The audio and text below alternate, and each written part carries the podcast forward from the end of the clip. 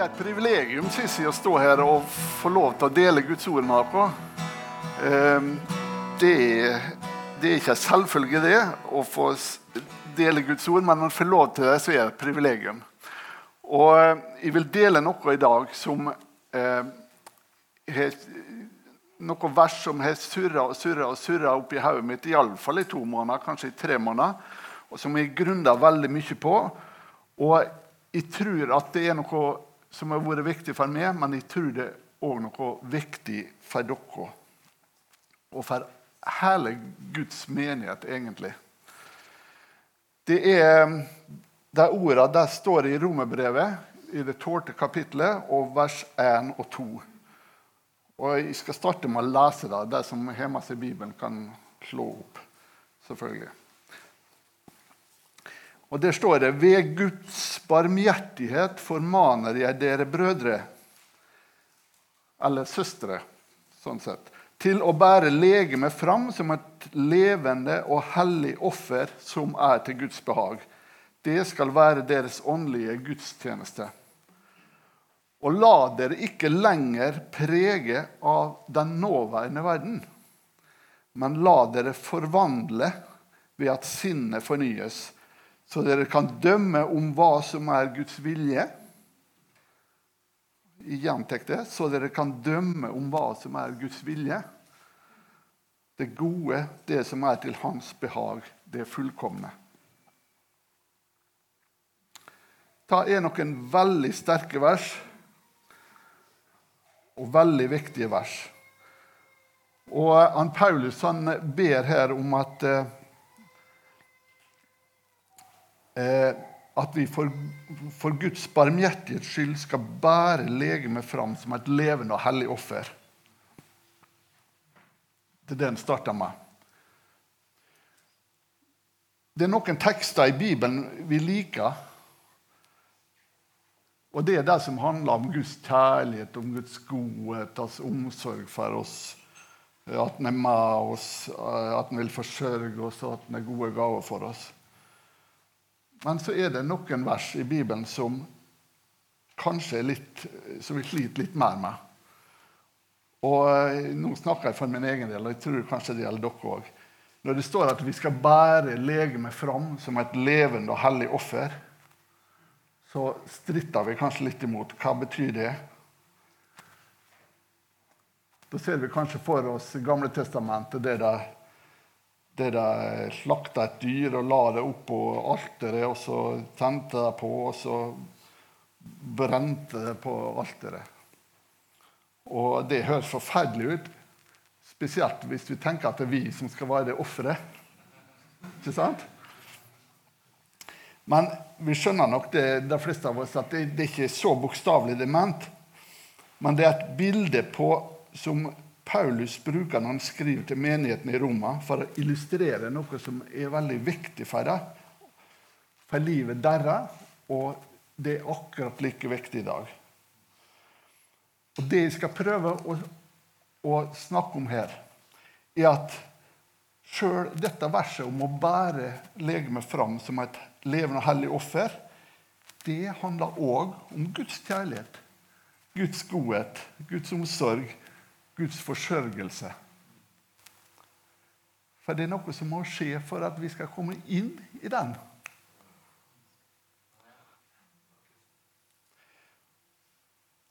Vi skal begynne, gå litt tilbake og begynne med, med syndefallet, som førte mennesker bort fra fellesskap med Gud. Men det Jesus gjorde på Golgata, ga oss muligheten igjen til å leve sammen med Han. Og Jesus forklarer til Nikodemus i Johannes eh, kapittel 3 om at vi må bli født på ny. Og Vi har fått mye undervisninger tidligere, blant alle og Elinor har undervist om at vi består av ånd, sjel og legeme. Og når vi blir født på ny, så er det vår ånd som blir ny. Jeg skal ikke ta opp igjen det, for det har vært sagt veldig mye om. Men likevel, det er veldig viktig, og det er det som er grunnlaget her òg. Når vi blir født på ny, så får vi en ny ånd, men kroppen og sjela er den samme. Og til tross for at ånda er ny, så vil kroppen og sjela fortsette som før. Og vi kan kanskje si av gammel vane. Og det her problemet ligger. Ånda er ny, men kroppen og sjela er ikke blitt ny. Og hvis vi ikke gjør noe aktivt, så vil kroppen og sjela tenke og handle akkurat slik som den gjorde før vi ble født på ny. Derfor er det at Dan Paulus kommer med to store oppfordringer her. Det ene er å bære legemet fram som et levende og hellig offer. Og Det betyr å være villig til å oppgi sitt eget for å leve for og med Jesus. Paulus han sier at 'for meg er livet Kristus'. Og spørsmålet til oss da kan vi si det samme. Jeg tror mange kristne sliter akkurat her. Vi vil, vi vil gjerne ta imot frelsa. Men vi vil ikke la Kristus få hele livet vårt. Vi frykter at vi kanskje vil miste noe. At Jesus vil ta fra oss noe. At livet blir strevsomt. At det blir vanskelig, at vi vil mangle penger, at vi mangler hus og mat, kanskje. Og at han vil ta fra oss fritida vår hvis vi gir oss helt over. Det høres litt skummelt ut, så er det best at vi tar vare på det sjøl.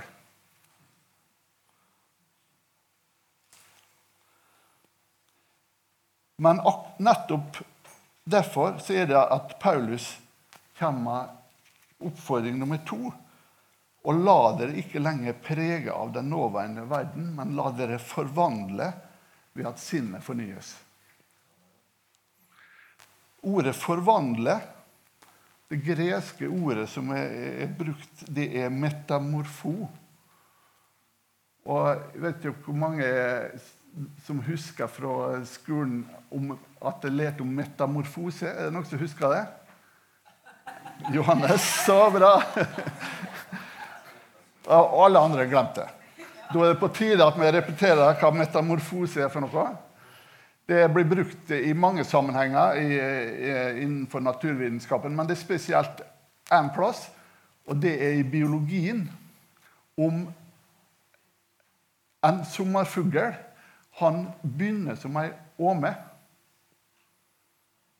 Og så etter, en, etter, et år eller et halvt år eller jeg vet ikke helt hva syklusen er, så pupper han seg inn. Og så ligger han der og venter til over vinteren. Og så ut av den puppa så kommer det en sommerfugl. Det er metamorfose. Altså Det betyr en total forvandling. Fra å være ei lita åme som kryper ned i møkka, så blir det til en fargerik sommerfugl som flyr opp i lufta. Ja, det er et fantastisk bilde, og det er akkurat det ordet eh, Paulus bruker her når han sier at vi skal la oss forvandle ved at sinnet fornyes. Det er noe radikalt som skal skje med oss. Vi skal begynne å tenke på en helt ny måte. Og det fører oss ikke fra sommerfugl til pupper, slik som mange tror. Men det er motsatt vei. Det fører oss fra puppe til sommerfugl. Og det er det som er så fantastisk med dette her, at skal vi bli sommerfugler, så må vi la oss forvandle. Og hvorfor må vi forvandles? Ja, for å kunne leve det livet som Gud har tenkt for oss. Vi må slutte å tenke slik som verden tenker. Den typiske tanken i, i, i verden vet du, den er slik at jeg må sørge for meg sjøl, for det er jo ingen andre som gjør det. Har dere hørt det? Jeg må nå bare sørge for meg sjøl, for det er jo ingen andre som gjør det. Men det er jo ikke sant. For oss som er født på ny og tatt mot Jesus, så er ikke det sant. Det er noen andre som sørger for oss, og det er Jesus. Jesus har et fantastisk liv for oss. Men så lenge ikke vi tør å gå inn i det, så får vi ikke del i det. Så lenge vi prøver å sørge for oss sjøl og våre egne behov, i stedet for å ta imot det Jesus har for oss, så får vi ikke gått inn i det. Og Det er derfor at Paulus oppfordrer romerne og alle som i åra etter har lest Bibelen, om å la sinnet bli forvandla.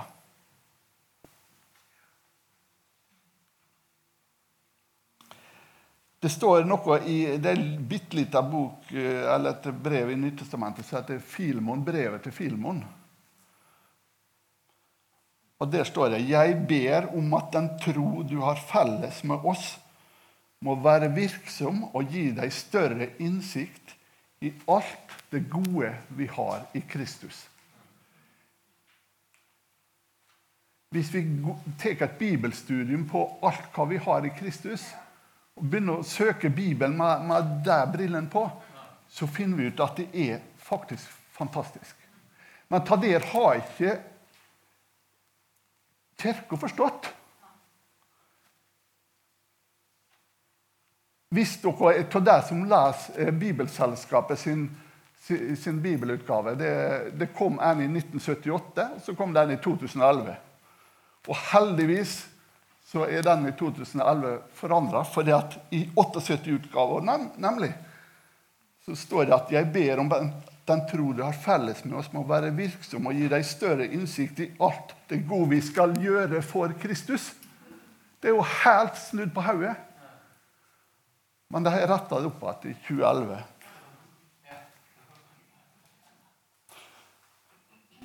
Men det har noe med tankegangen vår om at vi tror at vi skal gjøre så mye for Kristus.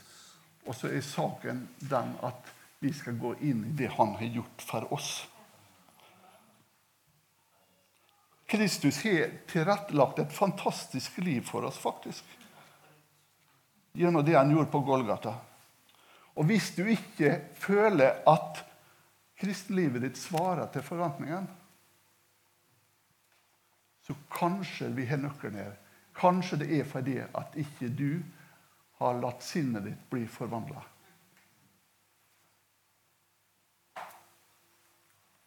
Jesus har jo sagt det. Søk først Guds rike og hans rettferdighet, så skal du få alt det andre i tillegg. Mens vi snur det ofte motsatt.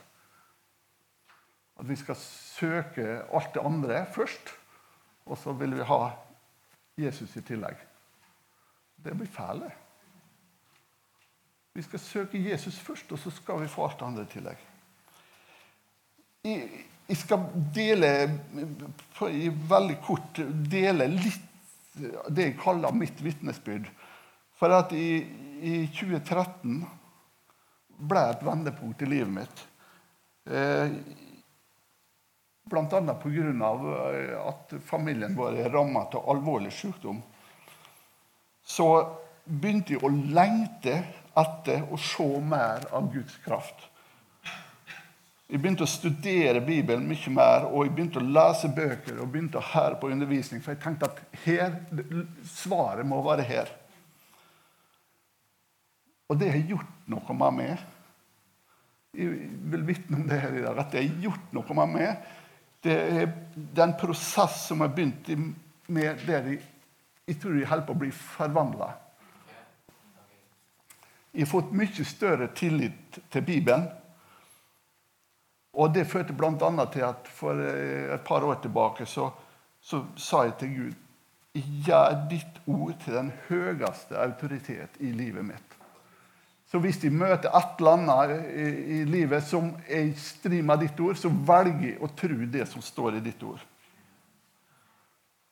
Tenk Jeg har vært kristen hele livet, og først for et par år siden så kunne jeg se det med mener i hjertet mitt. Og så har jeg fått større forventning til at det som står i Bibelen, det er faktisk sant, og at Bibelen holder den lova. Og jeg har fått oppleve at folk blir helbreda når jeg har lagt hendene på dem. Mange eksempler på det. Og jeg har fått større frimodighet i å dele evangeliet.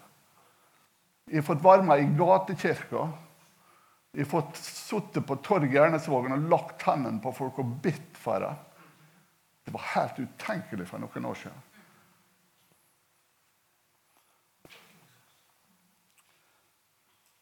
Men så har jeg fått en forventning om at det er mye mer. Det er mye mer, og det ønsker jeg å få tak i.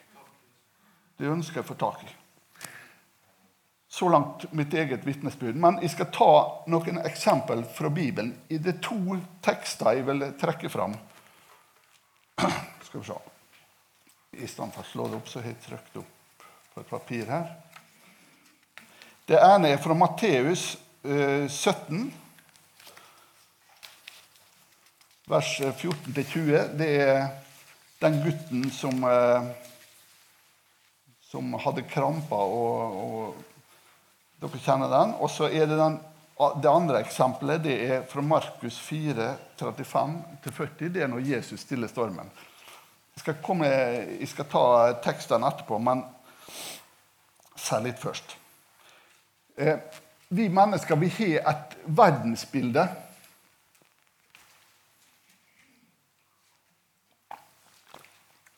Vi har en oppfatning om hvordan ting fungerer.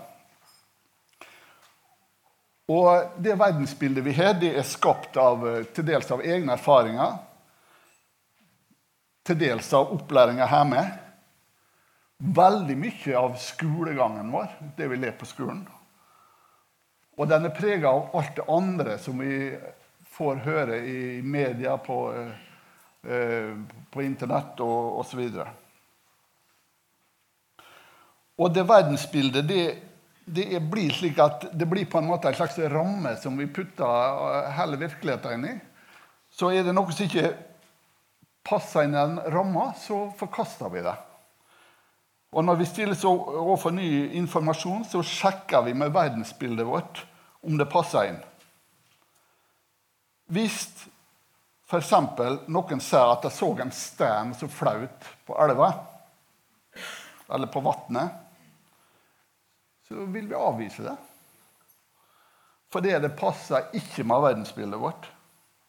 Og så prøver vi å finne andre forklaringer ja, Det kunne ikke være en stein, det måtte være tre stykker, Eller det måtte eh, kanskje være sånn pimpstein. Eller eh, Ikke sant?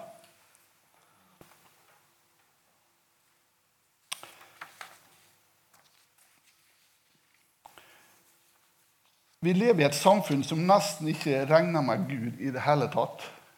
Sånn er det blitt de senere åra. Og der, eh, samfunnet vårt fester stort sett bare lit til det som er vitenskapelig.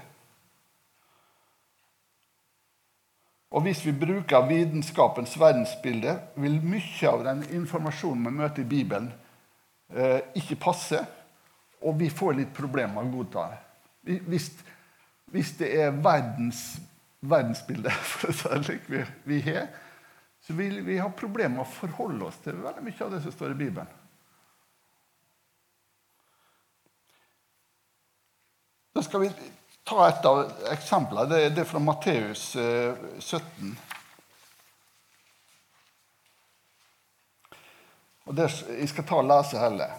Da de nærmet seg folkemengden, kom det en mann til Jesus, falt på kne for ham og sa:" Herre, forbarm deg over sønnen min. Han er månesyk og er svært plaget. For ofte faller han inn i ilden, og ofte i vannet. Jeg tok ham med til dine disipler, men de var ikke i stand til å helbrede ham. Jesus svarte, Du vantro og vrange slekt. Hvor lenge skal jeg være hos dere? Hvor lenge skal jeg holde ut med dere? Før gutten hit til meg. Og Jesus talte myndig til ham, så den onde ånd for ut, og gutten ble frisk fra samme stund. Da, da disiplene ble alene med Jesus, spurte de hvorfor kunne ikke vi drive den ut. Fordi dere har så lite tro, svarte han. Sannelig, jeg sier dere, om dere har tro som et sennepsfrø, kan dere si til dette fjellet, flytt deg herfra og dit, og det skal flytte seg, og ingenting skal være umulig for dere. Vi kan kanskje synes at Jesus har en veldig streng eh, reaksjon overfor disiplene. Er dere enig i det? Jesus svarer, 'Du vantro og vrangslekt, hvor lenge skal jeg være hos dere?' 'Hvor lenge skal jeg holde ut med dere?' ikke det er en veldig sånn streng reaksjon, da?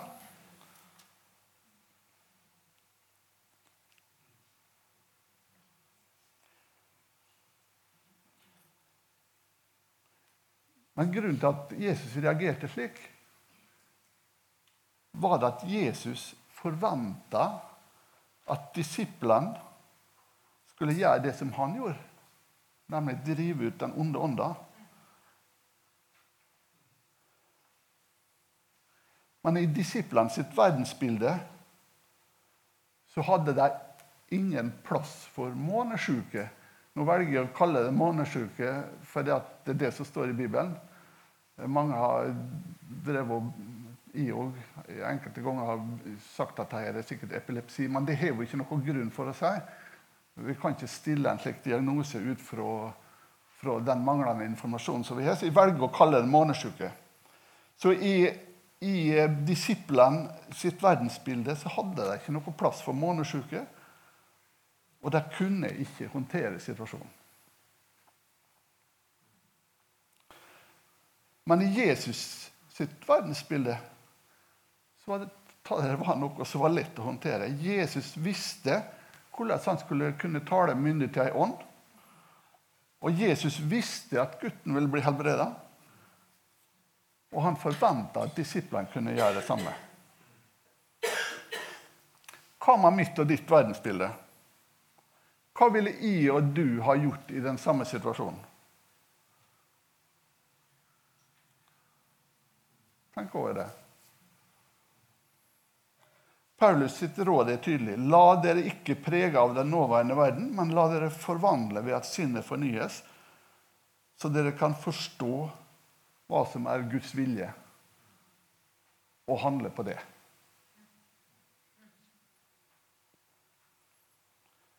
Sier nå at hvis du ser en person på gata som ligger der og har krampe, så skal du kaste det over den og drive ut ei vond ånd? Nei, jeg sier ikke det.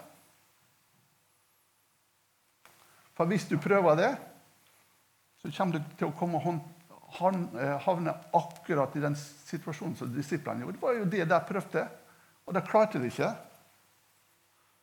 De mislykkes.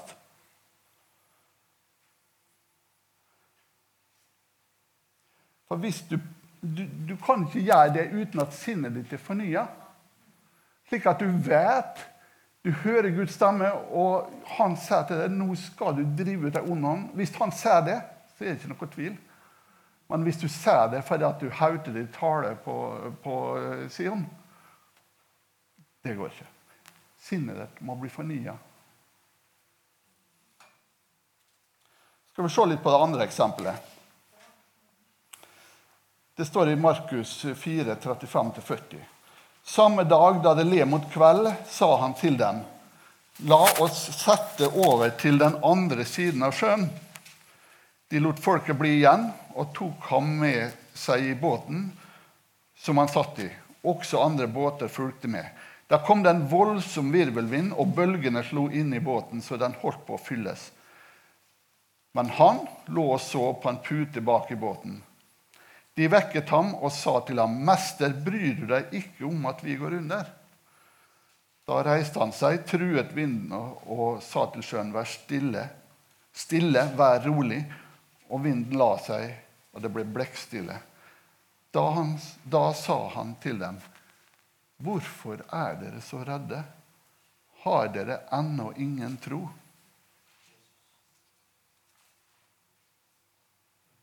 Hva mente Jesus egentlig med det?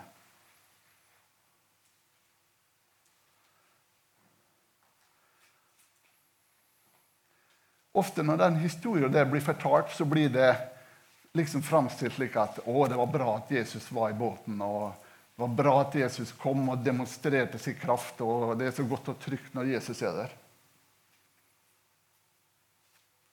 Det er ikke ofte sånn eh, det blir framstilt, den historien der.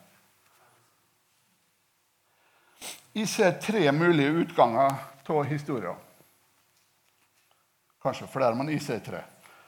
Det ene er at eh, de går under og drukner.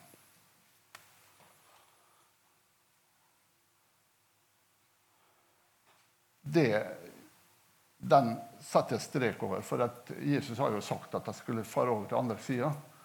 Så i og med at Jesus har sagt det, så var det ikke meninga at jeg skulle gå under og drukne. Den andre muligheten er at Jesus stiller stormen. Og det var jo faktisk det han gjorde. Men jeg tror ikke det var det heller som skulle skje, for at Jesus kritiserer jo disiplene. Han kunne sagt at det var bra dere vekte meg, slik at jeg kunne få komme og stille stormen for dere. Dere er noen gode disipler. Men han, han sa ikke det. Han kritiserte det. Har dere ennå ingen tro? sa. Så det er faktisk en tredje mulighet, og det er at det var disiplene som stilte stormen. Jeg tror det var det som var utgangen på denne historien. her. Det var slik det skulle være. Men disiplene de, de, hadde, de tenkte slik som verden tenkte. De hadde ikke sinnet der, de hadde ikke blitt forvandla. Så Derfor så var de ikke i stand til å se den muligheten engang.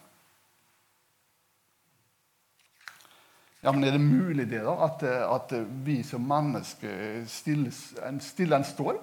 Er det det? Ja, det tror jeg faktisk det er. Det er, det er mange vitnesbyrd om at, at været har endra seg når vi har tatt autoritet. Og jeg leste spesielt ei historie, og det var jo fra USA, da, om at en tornado som kom rett mot, uh, mot et hus, eller mot en et byggefelt. Da. Og så var det noen kristne som tok autoritet over den tornadoen. Og så plutselig så snudde den og gikk en annen vei. annen retning. Så jeg tror det er mulig. Jesus sier jo iallfall det i Johannes 14. Den som tror på meg, skal også gjøre de gjerninger jeg gjør. Ja, han skal gjøre større gjerninger enn dem, for jeg går til Faderen. Og når Jesus sier at vi skal gjøre samme gjerninger, og tema større gjerninger, ja, da må vi tro på det.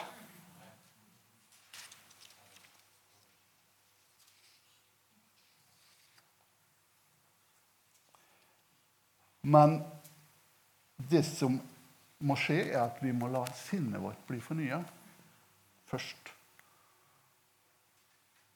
Jeg tror at fleste av oss som sitter her, ja, det skal jeg ikke si, men mange av de som sitter her, ville hatt problemer med å stille en storm.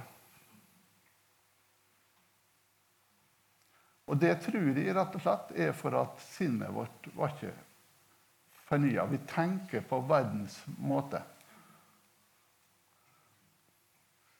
Og, og det ordet som Per Ståle eh, innleda med her, når Paulus og Silas satt i fengsel og ikke, jeg tror ikke jeg satt i fengsel engang. De lå sannsynligvis med lenker fast på hender og føtter, og det var mørkt.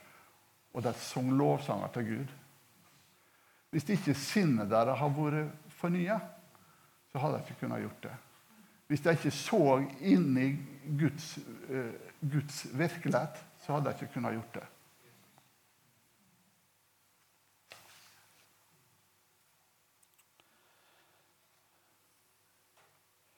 Så når Paulus oppfordrer oss til å ikke la oss prege av den nåværende verden, men la sinnet bli fornya, så er det noe radikalt. Det handler om å endre verdensbildet til det som vi finner i Guds ord. Og da kan det bety at vi må forkaste eh, noe av verdens såkalte sannheter.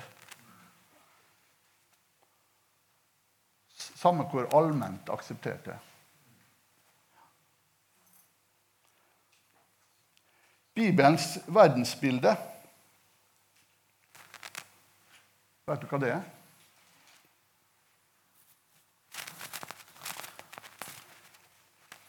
Bibelens verdensbilde det kalles for Guds rike.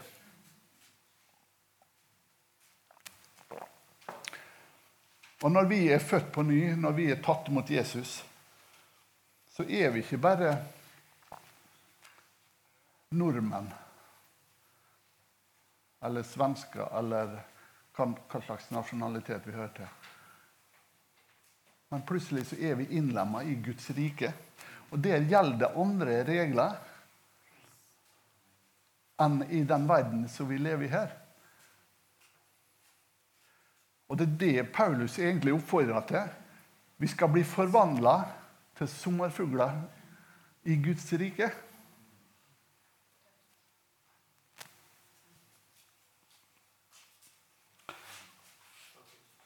Og det står, det står eh, Da Jesus begynte å forkynne, så sa han tiden er kommet, Guds rike er nær. Vend om og tro på evangeliet. Det står i Markus 1, 15. Og en annen plass, i Lukas 17, 21, så står det ingen vil kunne si, si Se, her er det, eller der er det, for Guds rike er midt iblant dere. Altså, Vi kommer ikke inn i Guds rike når vi kommer til himmelen. Vi er allerede i Guds rike. Ja. Guds rike er et usynlig rike, men det er likevel midt iblant oss. Det er like virkelig som kongeriket Norge. Men det opererer med litt andre lover. Men det er virkelig det òg, faktisk. I Lukas 9,2 så står det så sendte han dem ut for å forkynne budskapet om Guds rike og helbrede syke. Så vi ser at det er den sammenheng her. Guds rike og helbrede syke. Der er linken.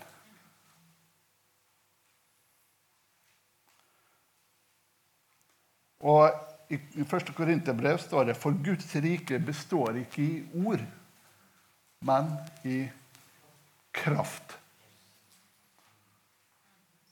Det, det er altfor mye av det i Guds menighet at det blir så masse ord, også, men så lever vi akkurat slik som alle andre rundt oss. Men det skal være kraft.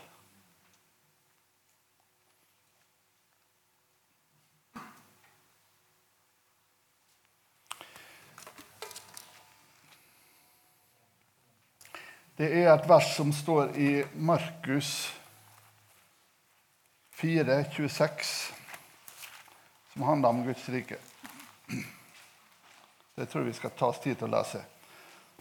Og det er, det er en av de to eh, lignelsene i Bibelen som handler om det å så. Såkorn. Der står det Han sa, slik er det med Guds rike. En mann har sådd korn i jorden. Han sover og står opp, og det blir natt, og det blir dag, og kornet spirer og vokser opp. Hvordan det går til, vet han ikke. Av seg selv gir jorden grøde. Først strå, så aks, og til sist modent korn i akse. Ta og la sinnet forvandles det blir ikke gjort sånn. Når Guds ord blir sådd i hjertet vårt, så er det en prosess. Det begynner å vokse. Først ser vi en liten spire, og så blir det et aks. Og til slutt så blir det modent korn. Når larva larver blir til en sommerfugl, så er det òg en prosess. Det er et slikt puppestadium imellom der.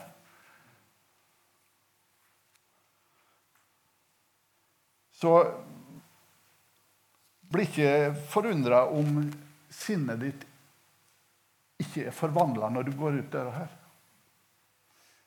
Det er ikke en bestemmelse du kan ta om at ja, nå er sinnet mitt forvandla, så nå kaster jeg det gamle verdensbildet og så begynner jeg på noe nytt. Nei, det er nok en prosess. Eh,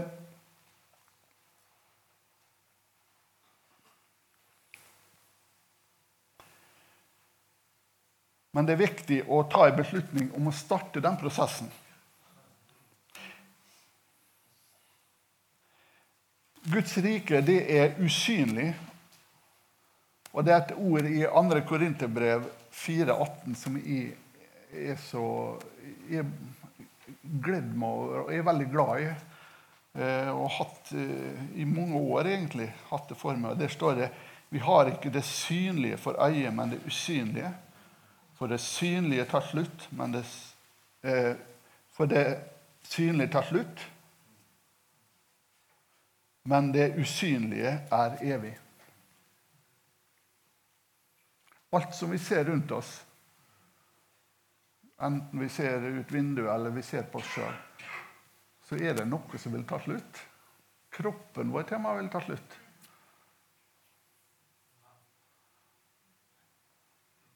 Men det usynlige, det lever evig. Ånda som er i oss, det lever evig. Gud lever evig. Hans rike er evig.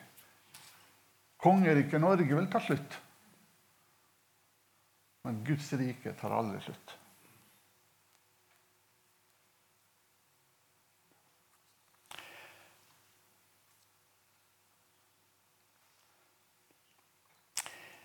Eh, Guds, I Guds rike så er det tro som gjelder. Og nå skal jeg ikke eh, begynne å tale om tro, for det er sikkert minst én tale bare om, om, det. Men jeg kan nevne et par, eh, par vers om tro. Det ene er så kommer da troen av budskapen hører, og budskapet kommer av Guds ord. Altså, Vi er nødt til å tilegne oss Guds ord hvis sinnet vårt skal bli fornya, og det, det, skal bli skapt tro i oss. I Markus 9,23 så står det alt er mulig for den som tror. Alt er mulig for den som tror.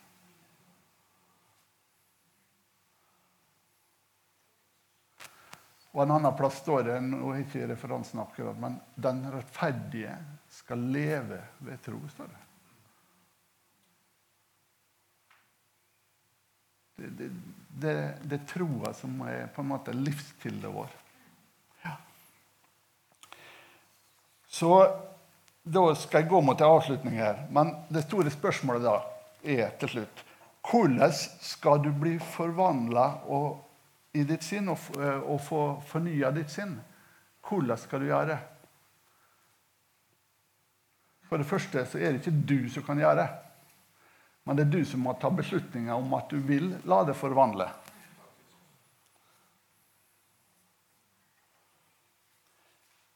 Men jeg tror svaret ligger i Guds ord.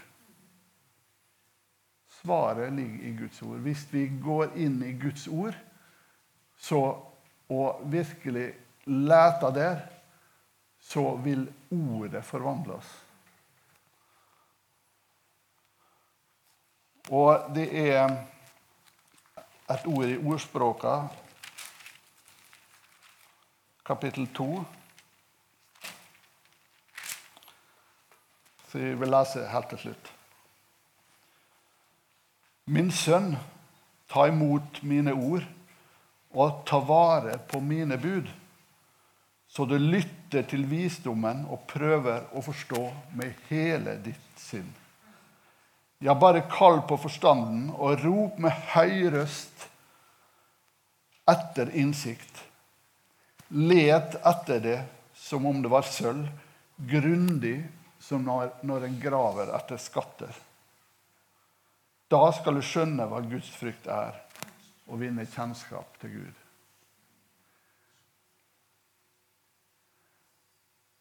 Det krever at vi, vi tar til oss Guds ord, at vi, og at vi gjør det litt med iver. Ikke bare les dagens vers, og så samtidig som vi hiver i oss ei brødskive og, og er på vei til jobb. Nei, vi må gå litt inn i ordet og grave og lete som om man leter etter, skatt, etter en skatt. Og da vil vi finne masse skatter i jordet. Og etter hvert så vil sinnet vårt bli forvandla, slik at vi kan begynne å leve ut det livet som Gud har tenkt for oss i Hans rike her på jorda.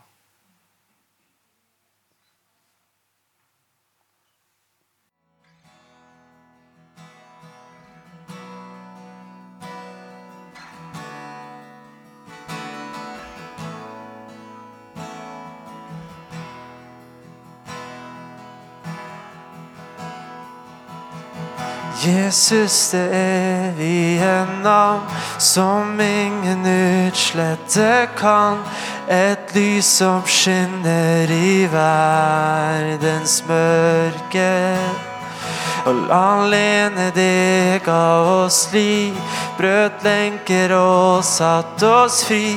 Til ham vi vender vår takk tilbake. Og syng det ut, ja, syng det ut igjen. For Jesus alene er redningen. Og syng det ut, ja, syng det ut, min sjel. Pris navnet Jesus i all evighet. En dag skal vi bøye kne, ansikt til ansikt få se himmelens konge i makt og ære. Og foran tronen med sang vil vi opphøye hans navn. Det navn som var og som alltid vil være. Og syng det ut, ja, syng det ut igjen. For Jesus alene er redningen. Oh, syng det ut, ja, syng det ut, min sjel. Pris navnet Jesus i all evighet. Ja, for syng det ut, syng det ut